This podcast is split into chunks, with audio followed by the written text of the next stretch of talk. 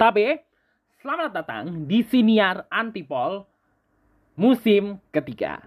Uh, ini adalah sebuah siniar berbentuk opini suara yang mana gua uh, di setiap episodenya ngomongin apa pun kejadian yang lagi jadi buah bibir masyarakat. Uh, segala hal uh, yang mana uh, dibahas dari perspektif gua. Namun sebelum kita memulai ke pembahasan utama, kita masuk ke intro. Check it out.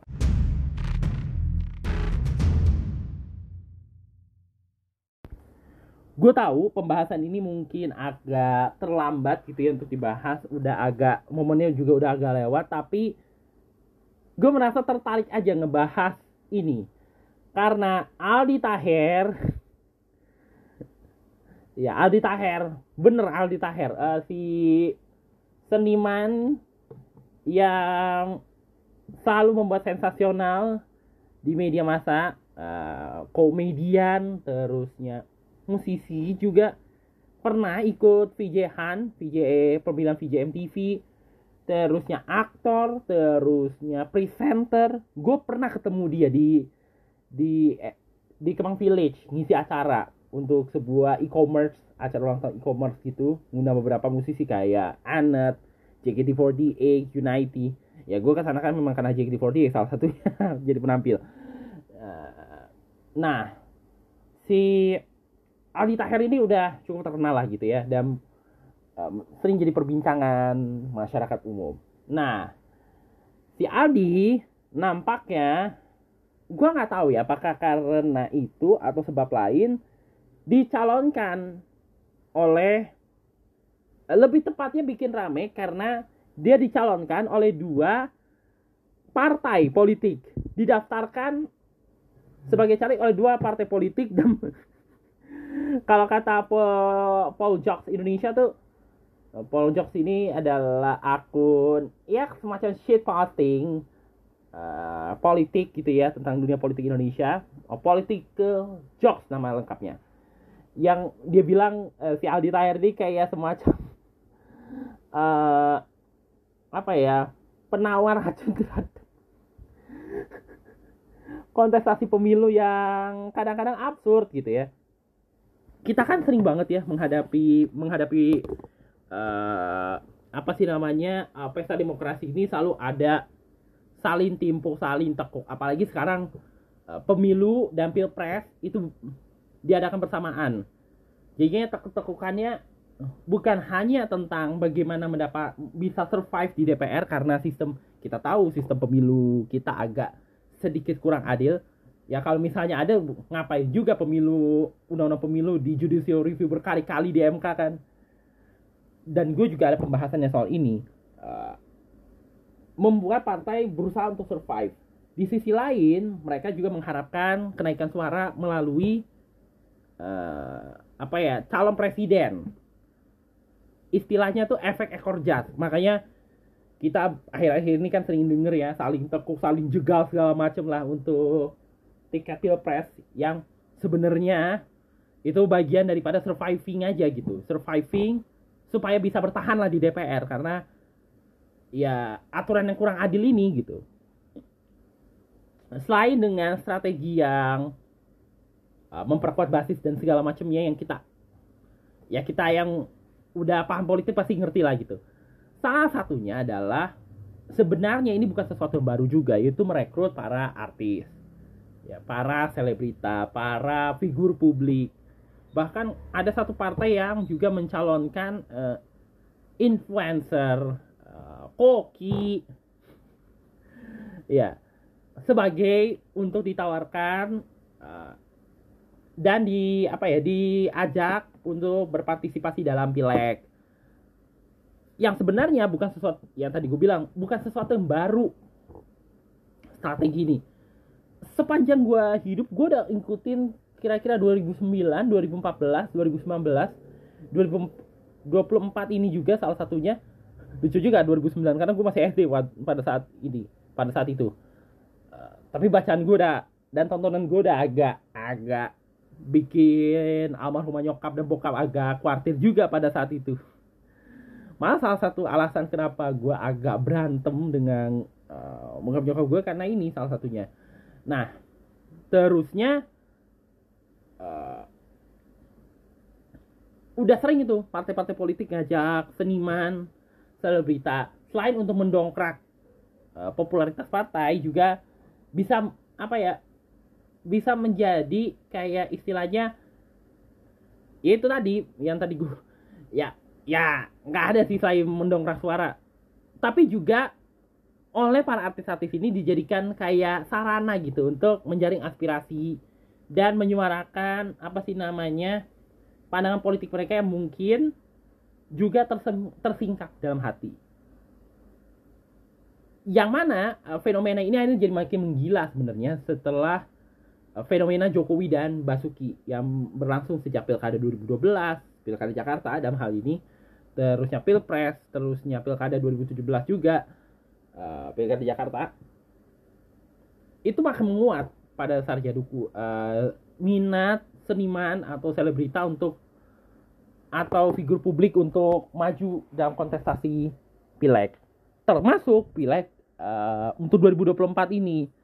Uh, yang mana tapi bukan hanya pileg juga beberapa kali juga artis muncul di panggung pemilihan kepala daerah. Kayak misalnya siapa sih? Hengki Kurniawan uh, ada siapa lagi ya? Diki Chandra pernah uh, Lucky Hakim pernah walaupun akhirnya mengundurkan diri juga. Gue pernah bahas di Antipol juga soal ini. Rano Karno terusnya siapa lagi ya? Eh sebentar sebentar sebentar sebentar. Coba gue Dede Yusuf juga pernah atau laga. Uh, dan banyak lagi. Kalau Rano Karno kan memang karena faktor keajaiban aja sebenarnya tuh. Faktor uh, apa sih kayak doa yang terkabul aja itu sebenarnya. Ya kita tahu lah yang soal itu. Kalau soal Rano Karno. Nah termasuk juga bahkan tak sedikit juga yang mencoba peruntungan di pilpres. Uh, jadi maju presiden. Dan banyak juga yang berhasil sebenarnya kayak Richard Nixon apa siapa lagi? Volodymyr Zelensky. Itu salah satu contoh sukses. Jadi seniman dan uh, kontestasi politik itu bukan hal baru sebenarnya. Bukan hanya terjadi di Indonesia tapi juga di seluruh dunia juga ada. Bahkan setahu gue di Malaysia juga ada beberapa artis yang pernah maju sebagai uh, caleg. Bahkan ada yang bahkan sampai menembus uh, Dewan Undangan Negeri atau DPRD kalau di kita ya bukan hal baru. Termasuk di 2024 ini. Nah kita langsung masuk ke 2024 ya Pak Eh, penjabarannya jadi panjang bener ya kalau dipikir-pikir.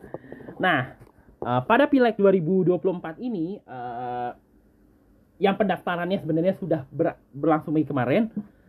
Banyak banget artis-artis yang maju kayak misalnya PKB ada Tommy Kurniawan, terusnya Gerindra itu ada Arisi Hasale, ada Meli Guslow, Dani Ahmad juga di PDIP uh, yang maju lagi kayak Rano Karno, uh, Kris Dayanti, Niko Siahaan, Eh, terus yang mencoba kayak Once uh, Ujo Project Pop terusnya siapa lagi?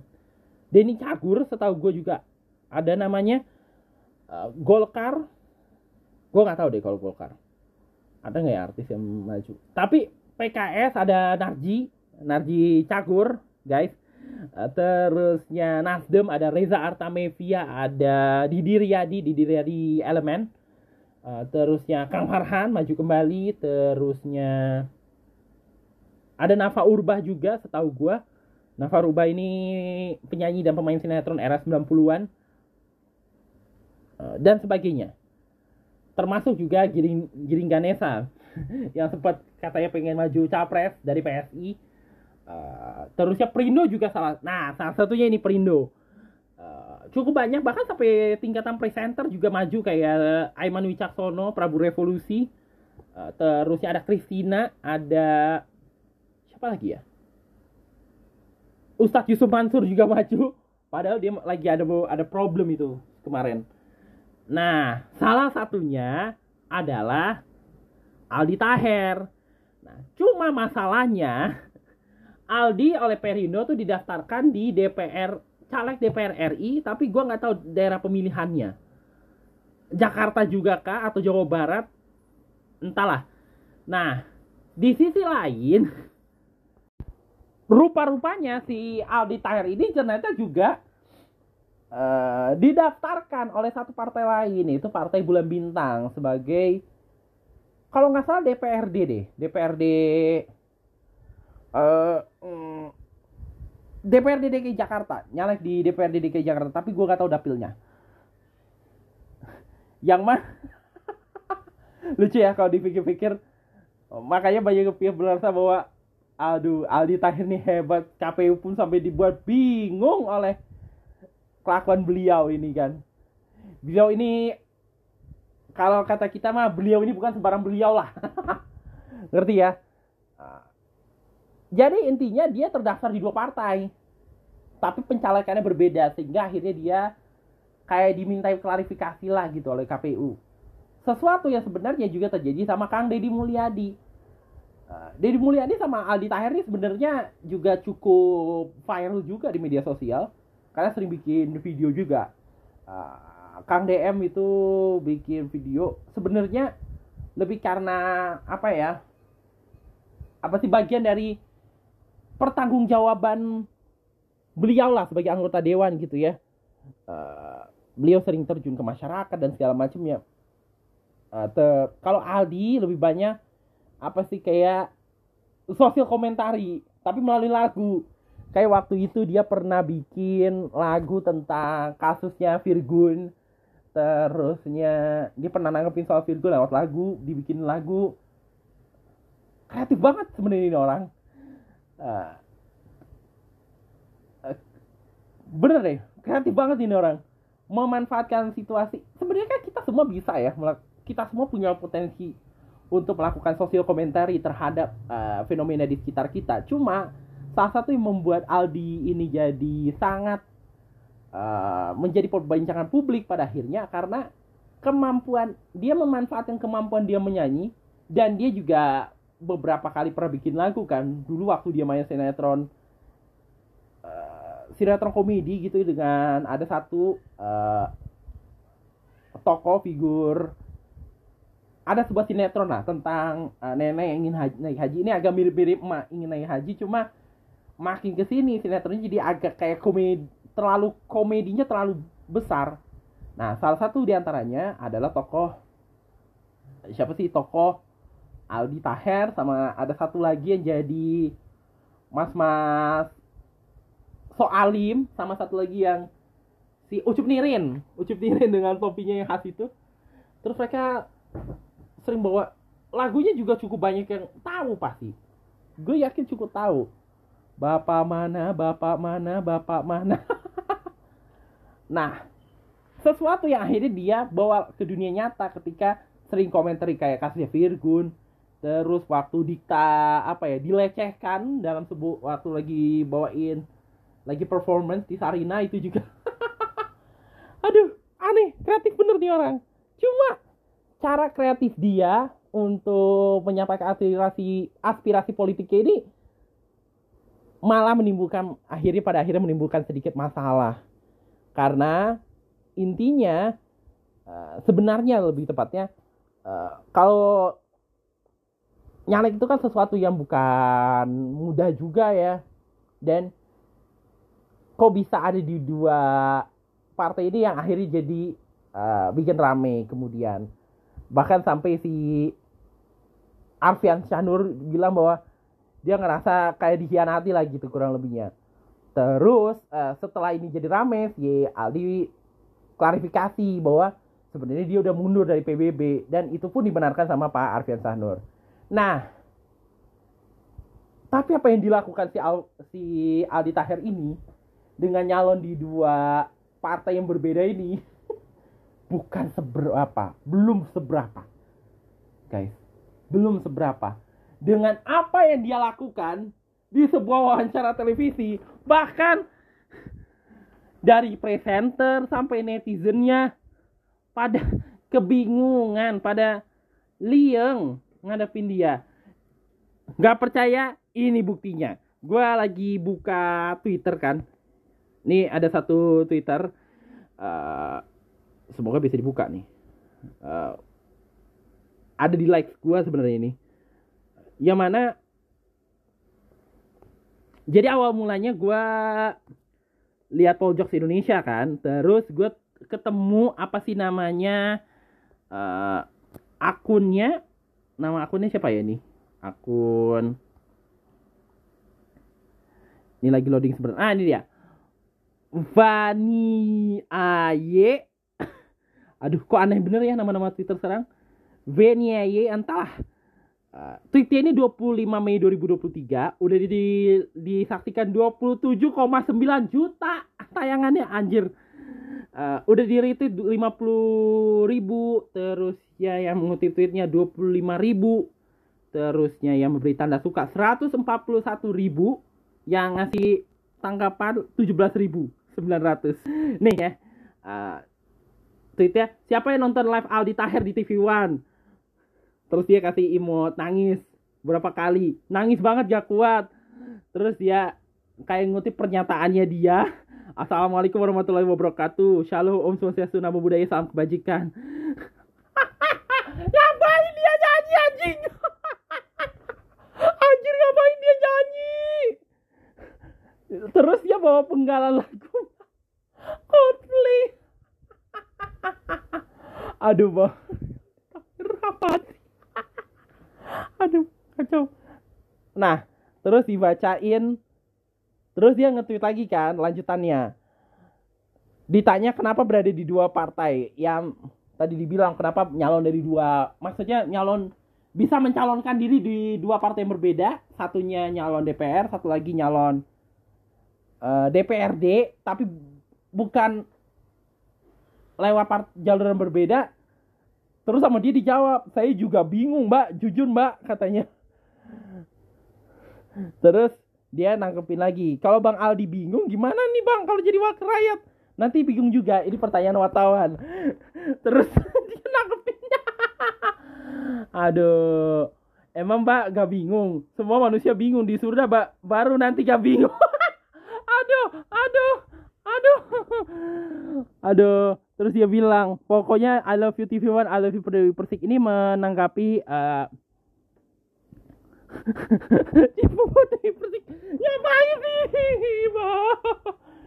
terus uh, terus apa ya? Dia terus ada bilang nah ini gue lewatin aja. Nah dia lalu terus ditanya lagi ke sama wartawan uh, pertanyaan soal mungkin alasan prediksi gue alasan jadi DPR katanya biar bisa baca Al-Quran di Senayang biar berpuasa lihat. Aduh Mas Aldi. Kita tuh beribadah tuh bukan untuk dilihat mas. Itu namanya ria apa sih istilahnya? Apa ya? Kita tuh beribadah tuh kan gini ya. Aneh bener ya pernyataannya. Tadi dibilang katanya ingin bisa baca Al-Quran di Senayan biar Pak Bamsud sama Pak Bamsud ini adalah ketua MPR uh, Bu Puan ini adalah ketua DPR RI bisa ngelihat. Tapi kan gini ya untuk kita yang ngerti bahwa ibadah itu gak bisa dipermainkan gitu. Dan di Al-Quran juga sering di in, udah dijelaskan bahwa beribadah tuh harus ikhlas gitu. Gak boleh lalai dari tujuannya sholat aja. Sholat aja yang karena tujuan lain aja ditolak di di surah apa ya yang yang jelas surahnya itu tentang pendusta agama gitu Ya mana orang mempermainkan sholat aja ditolak, ya, ibadah sholat doang. Apalagi ibadah yang lain gitu kan. Aneh bener ya kalau dipikir-pikir jawabannya. Ini masih serius gue nanggepinnya. Astaga. Terus ini masih masih kocak lagi nih. Nih gue bacain lagi. Uh, mana ya? Nih. Terus ditanyain kan. Terus kata di tweet lagi sama si Fania ini nih ditanya mau masuk komisi apa kalau jadi DPR malah gak apa tiap bareng mbak aduh aduh aduh. Dianggu kenapa ngajak Al-Fatihah? Oh ya Allah. Ya udah kita di rumah coba ikut bareng-bareng mengepalkan kedua tangan kita sambil berdoa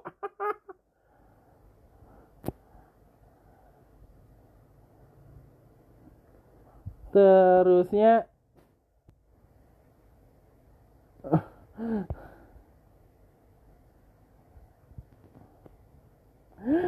nah, tapi ini ada satu hal yang penting. Aduh jadi kelamaan karena bacanya. Terus ditanyain kan, ada yel-yel bang agar masyarakat semakin yakin untuk memilih atau tidak memilih Anda. Dia bilang, gak usah pilih saya kalau gak usah pilih Aldi Taher. Loh! Loh!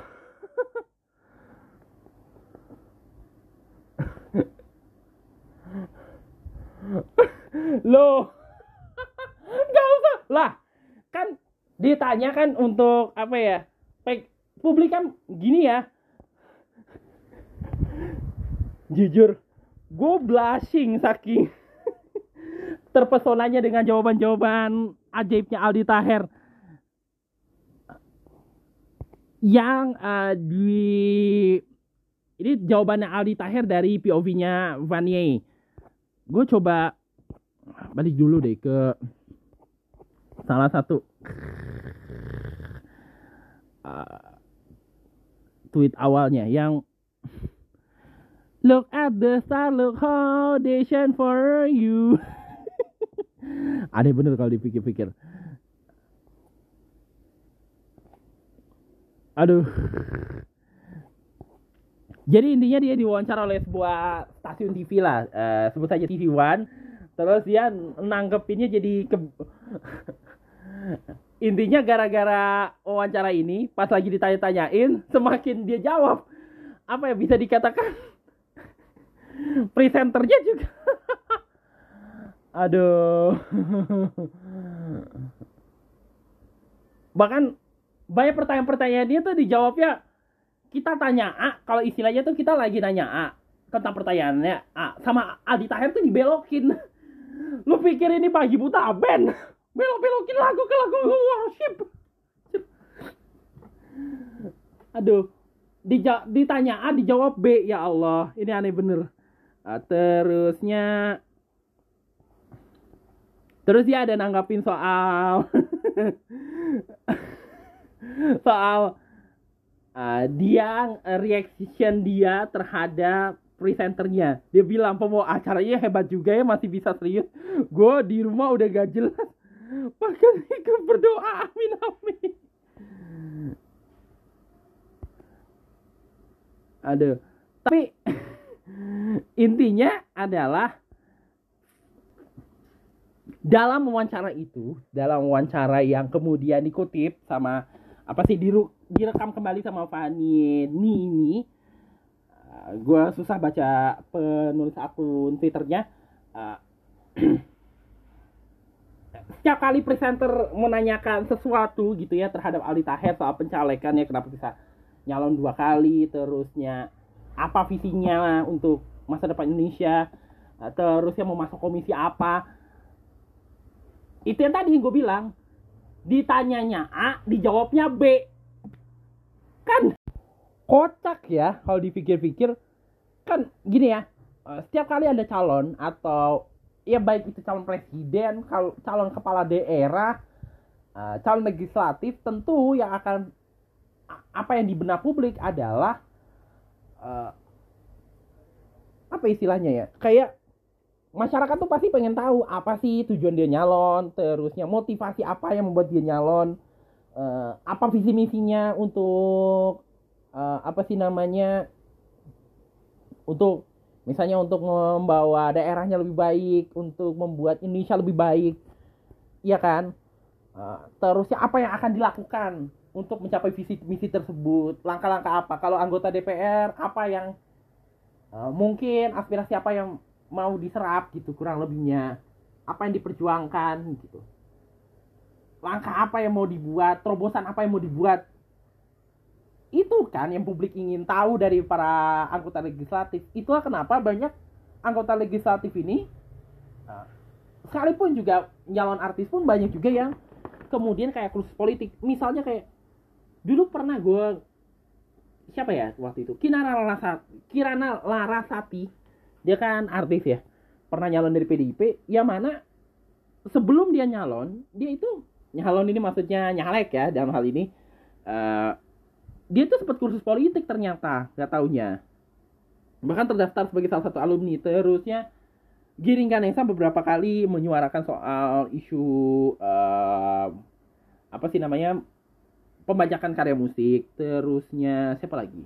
Kang Farhan beberapa kali terlibat dalam aktivisme sosial. Makanya dia dengan modal yang dia punya akhirnya dia memberanikan diri jadi caleg kan akhirnya bahwa kita bisa memahami uh, salah satu keunggulan dan ini juga diungkapkan oleh Kang Farhan juga gitu bahwa uh, caleg artis itu salah satu keuntungannya adalah ya popularitas gitu.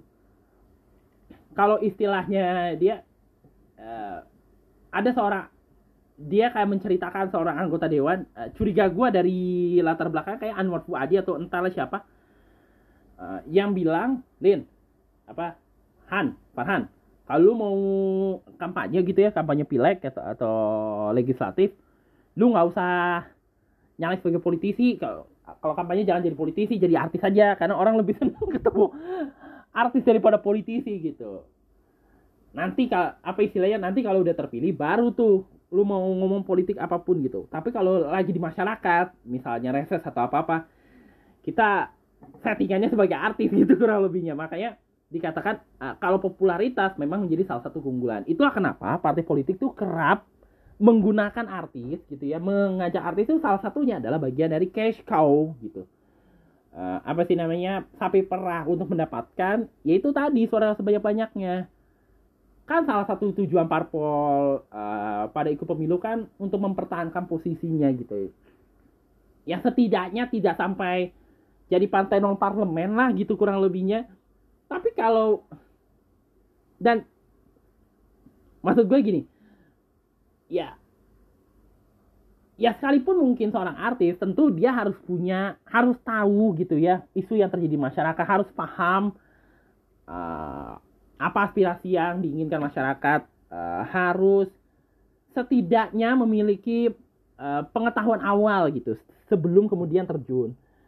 Ini Adi Tahir kalau kita lihat dari wawancara ya kayak apa sih lu belum belum ngerti uh, ilmu apa sih kayak ilmu dasar renang tapi udah disuruh nyebur gitu orang lebihnya. Udah disuruh nyebur ke kolam. Dan sebenarnya mungkin ya yang dilakukan Aldi Tahir ini yang kayak Aldi Tahir ini mungkin hanya satu di antara beribu gitu. Dan dengan uh, keinginan itu tentu masyarakat juga berharap para caleg ini sekalipun mungkin punya entertainment dia tahu gitu udah punya pengetahuan. Nah, yang terjadi dengan Aldi Taher malah sebaliknya. Mungkin apa yang terjadi sama Aldi ini bukan sesuatu yang baru ya kalau dipikir-pikir. Uh, dulu Angel Elga juga kayak gitu, cuma bedanya uh, kalau yang Aldi Taher ini kayak ya TV One kan adalah TV berita ya, yang bisnis gitu ya, yang mana uh, mencari uh, kadang-kadang juga sering ber, mendap, mencari apa sih namanya narasumber sensasi gitu untuk bisa ningkatin rating acaranya kayak kenapa uh, tiba-tiba muncul Neno Warisman, siapa Novel Bamukmin, uh, siapa Rocky Gerung, Denny Indrayana yang jadi apa ya jadi narasumber langganan. Makanya yang agak dramatikal dramatikal ini agak lumayan juga walaupun TV berita.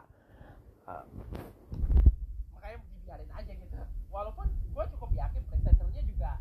rada nge bahwa ini orang aneh bener ya jadi caleg. Gini amat jadi caleg gitu ya. Mungkin di presenternya tapi dibiarin aja. Cuma kali yang Angel ini kayaknya dia bermaksud untuk mengaburkan uh, publik dia mengaburkan pikiran publik tapi yang dihadapi problemnya adalah Najwa Shihab kita tahu Najwa Shihab siapa kita semua pasti tahu. Sekalinya dia wawancara kalau jawabannya jelas terus diubah-ubah biar orang ini akhirnya apa sih istilahnya kayak akhirnya mau ngomong. Minta penjelasan minta pertanggungjawaban. Kita udah tahu lah Najwa siapa kayak gimana gaya bicaranya. Kayak wawancaranya kita udah sering nonton kan mata Najwa baik itu ya di TV maupun yang sekarang di online kita udah tahu. Ya ya ambiar lah kecil Elga digituin kan? Nah mungkin mengingatkannya kayak gitu. Uh, tapi itu akhirnya jadi masyarakat uh, jadi ngerti gitu bahwa masyarakat paham gitu. Dan akhirnya jadi sering uh, skeptik juga terhadap calon-calon gua nggak tahu ya uh, apakah ini adalah bagi apakah strategi mencalonkan artis gitu ya. Kecuali yang memang sudah uh, bona fide ya itu oke oke aja gitu. Tapi yang artis-artis yang setengah jadi ini untuk jadi calon legislatif ini masih merupakan strategi yang uh, baik atau justru gua kuartirnya ini strategi bunuh diri. Karena ini yang gue perhatiin ya sejak kejadiannya si uh, apa sih namanya Angel Elga itu masyarakat tuh kelihatannya jauh lebih kritis. Cukup kritis terhadap calon-calon yang akan maju. Apalagi terutama yang berasal dari kalangan entertainment.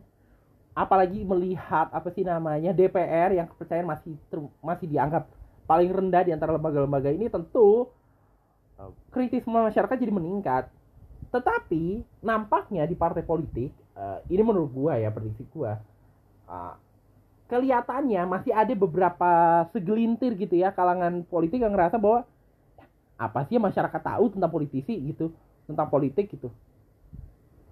Kadang-kadang ada perbenturan gitu antara uh, politisi utama yang ngerasa bahwa lah lagian juga masyarakat kan ngelihatnya apa sih kalau kata Desi Anwar itu gue sempet nonton uh, wawancaranya di salah satu akun uh, YouTube. Masih habit apa sih namanya habit mencari kekuasaan gitu kurang lebihnya. Makanya sampai sekarang masih walaupun udah pro proporsional terbuka masih ada yang pengen proporsional tertutup kan.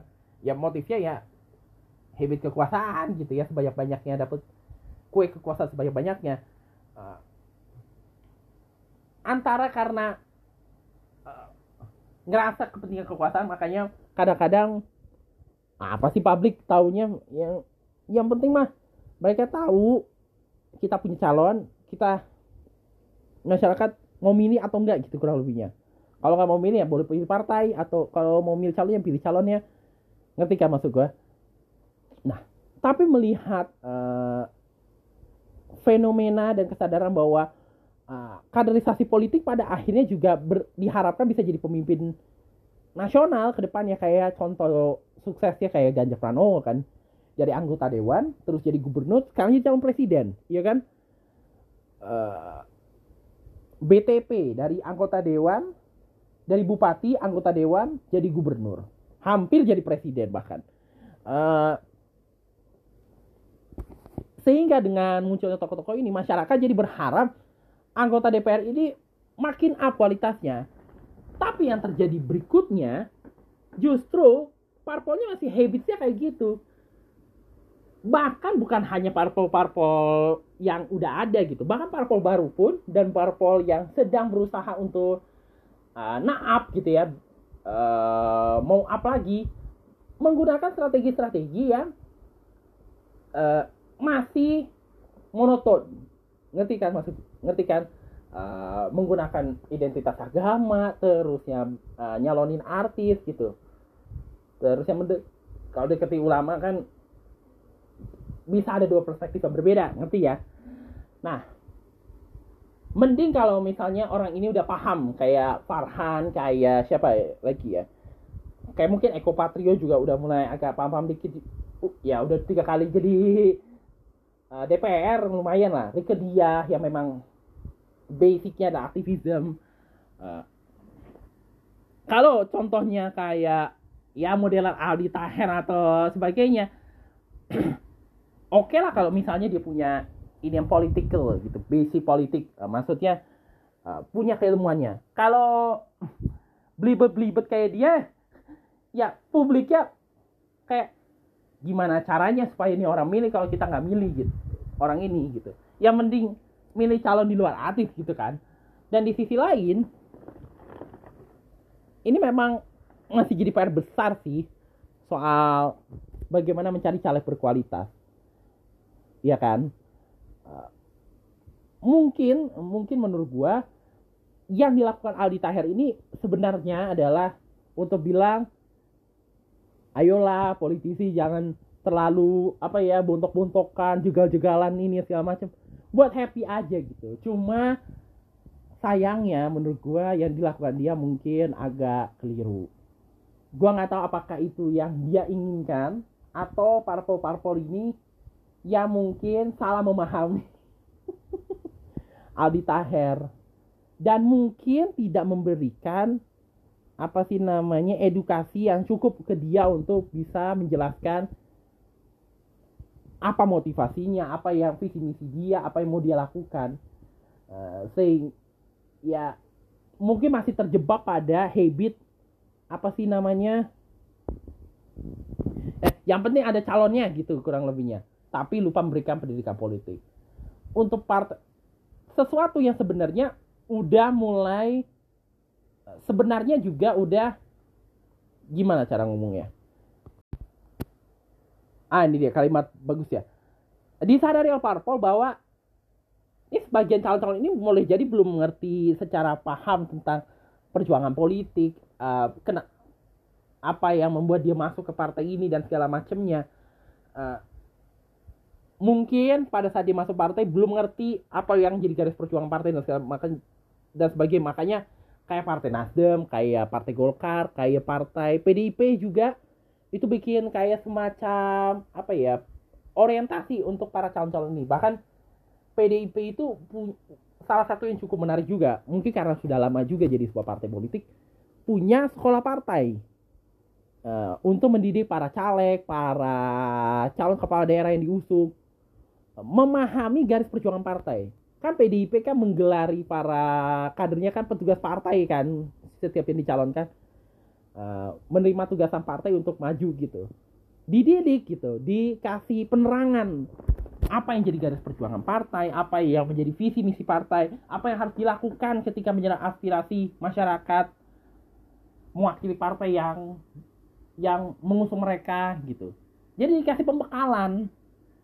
Sebenarnya ya terlepas dari pro uh, dari pro kontra kita terhadap PD Perjuangan dan terlepas daripada apa yang hal-hal yang sering membuat kita agak jengkel dengan PDI Perjuangan, sebenarnya yang dilakukan PDI cukup cukup baik gitu.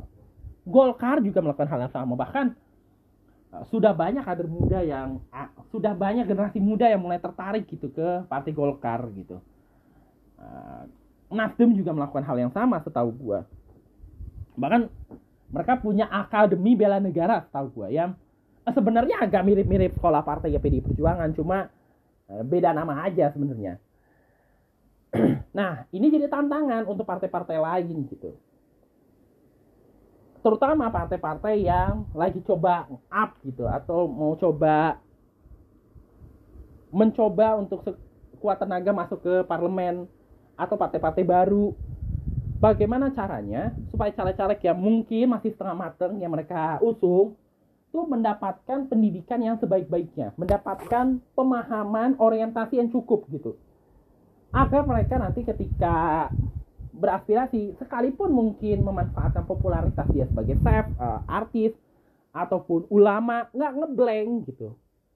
Karena publik sekarang tuh publik tuh nggak bisa terus-terusan ditawarkan kucing dalam karung.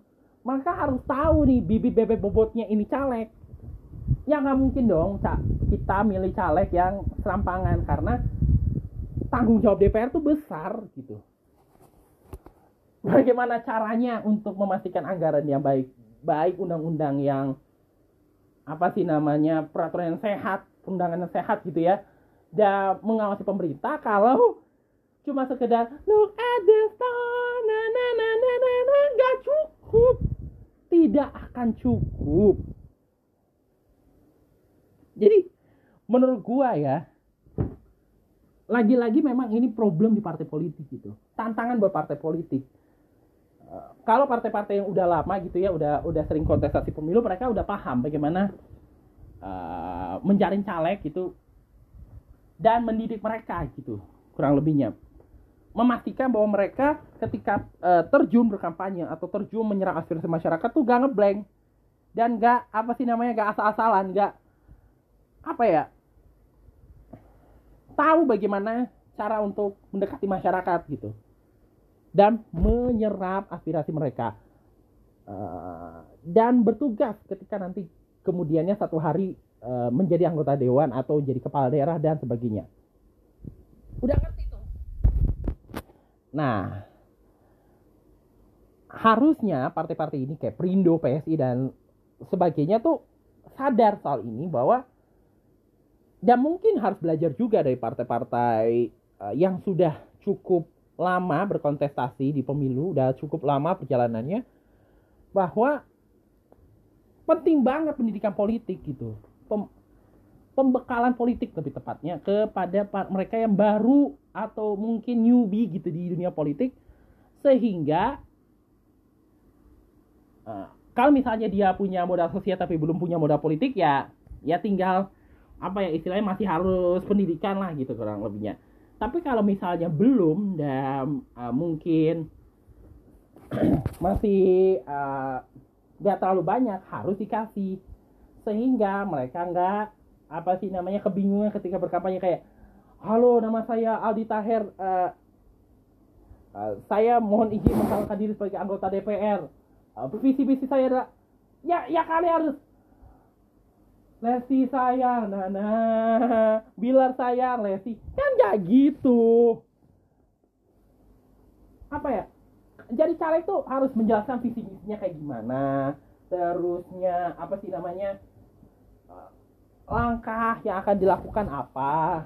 Apa yang mau diserap supaya uh, aspirasi dari dapil yang dia wakili itu bisa dibawa ke dewan Kayak gitu seorang politisi. Makanya kita sebagai publik di satu sisi partai politiknya juga harus mulai apa ya namanya menyadari bahwa publiknya sekarang udah nggak kayak dulu yang milik kucing dalam karung karena habit uh, publik itu gak mas pandangan bahwa publik gak tahu apa-apa soal calon itu masih ada sebenarnya yang merupakan peninggalan daripada Orba.